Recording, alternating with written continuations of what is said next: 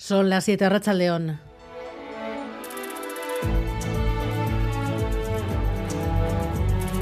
Gambara con Arancha García.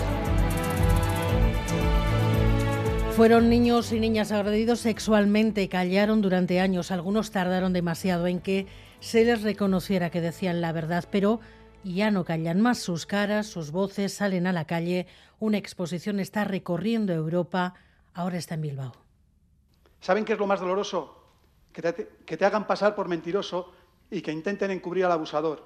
Porque a los supervivientes, cuando denunciamos, se nos, se nos abren dos frentes. Uno contra el agresor y otra contra los encubridores. Existe algo más hiriente todavía que el abuso, el encubrimiento y la revictimización. La Iglesia debería encargarse de atenuar el dolor que producen estos delitos y más siendo la cara visible del buenismo y del cristianismo. Los testimonios de Pepe Godoy de Juan Cuatrecasas, pero son muchos más. Esta misma tarde el juez ha enviado a prisión a un hombre por agredir sexualmente a una niña de 8 años en Barañain, Ollana Arangoa. La agresión sexual ocurrió en agosto. El hombre de unos 40 años se llevó a la niña de 8 a su casa cuando estaba en un parque infantil en el barrio de Chabacoiz. Le dijo que le invitaba a un helado. Se la llevó a casa, allí la agredió sexualmente y la amenazó con matarla si se lo contaba a alguien. La policía municipal conoció los hechos a finales de año, a raíz de una de las charlas que el Grupo de Educación para la Convivencia imparte en las escuelas.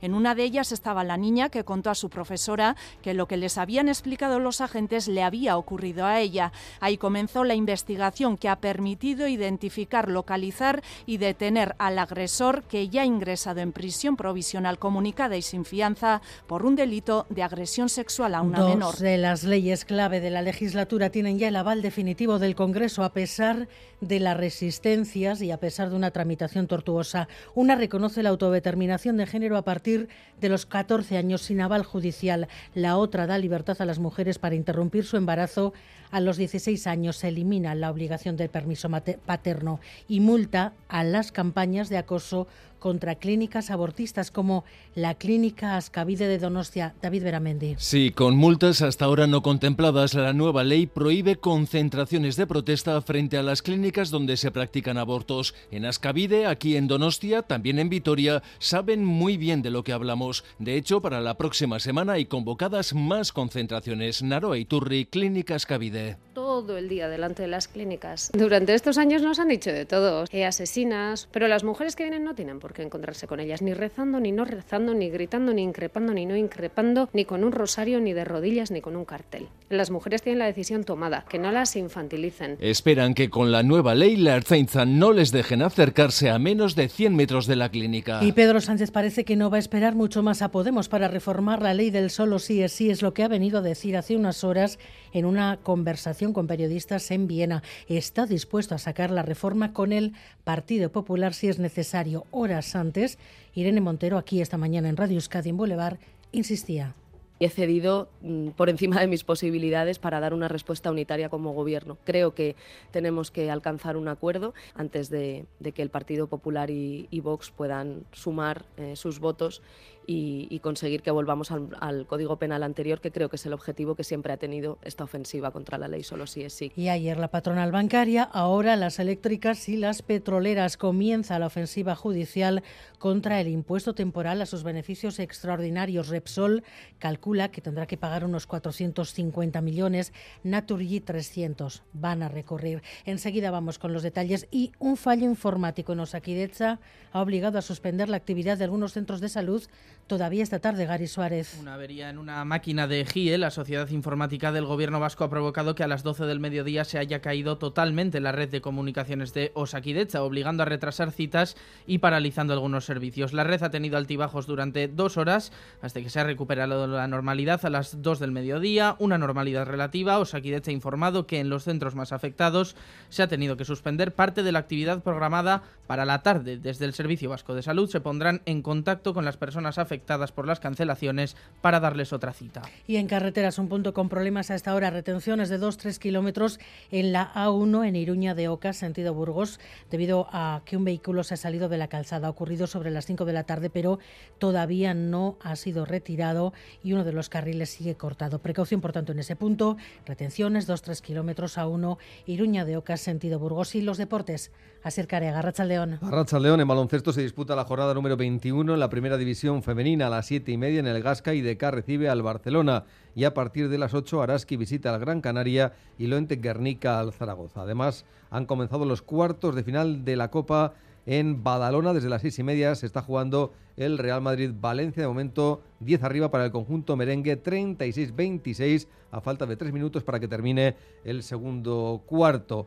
Y a las nueve y media comenzará el Barcelona Unicaja. Mañana debutará Basconia ante los anfitriones de Juventud.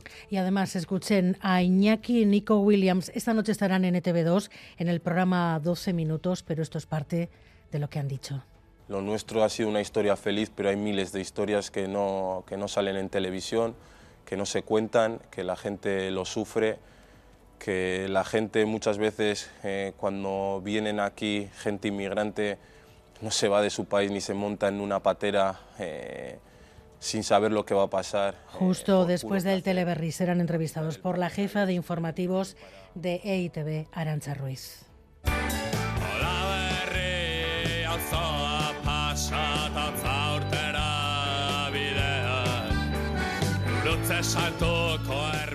En Navarra este año la pesca del salmón estará prohibida, así lo ha decidido el gobierno debido a la crítica situación que atraviesa esta especie. Según el Departamento de Medio Ambiente, la subida de las temperaturas y la sequía son las principales causantes de este momento crítico para el salmón. Aitor Pérez. Ni temporada de pesca ni lenvicico. Los aficionados a la pesca del salmón no podrán pescar este año ningún ejemplar en el río Vidasoa. El mes pasado, responsables del Departamento de Medio Ambiente ya alertaban en el Parlamento de Navarra de la situación de la especie que era la peor de los últimos años. Concretamente, en 2022 remontaron las aguas del río Vidasoa desde el mar apenas 90 salmones, el menor número en los últimos 37 años. Desde 2018 la situación ha ido empeorando debido al aumento de las temperaturas y la sequía, pero entre las medidas a corto plazo, la más efectiva es la prohibición de la pesca, según la consejera Itziar Gómez. Eh, la pesca no, tiene la, no es la culpable, porque no es culpa de ahí, es sobre todo la situación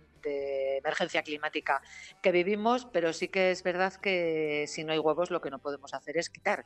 Entonces lo que no podemos es agravar la situación que por sí ya es grave. Además de la prohibición, el gobierno de Navarra trabaja junto a las autoridades de Guipúzcoa y Parralde dentro del proyecto Life Cantauribar con el objetivo de plantear entre todas las partes soluciones para aumentar la población del salmón.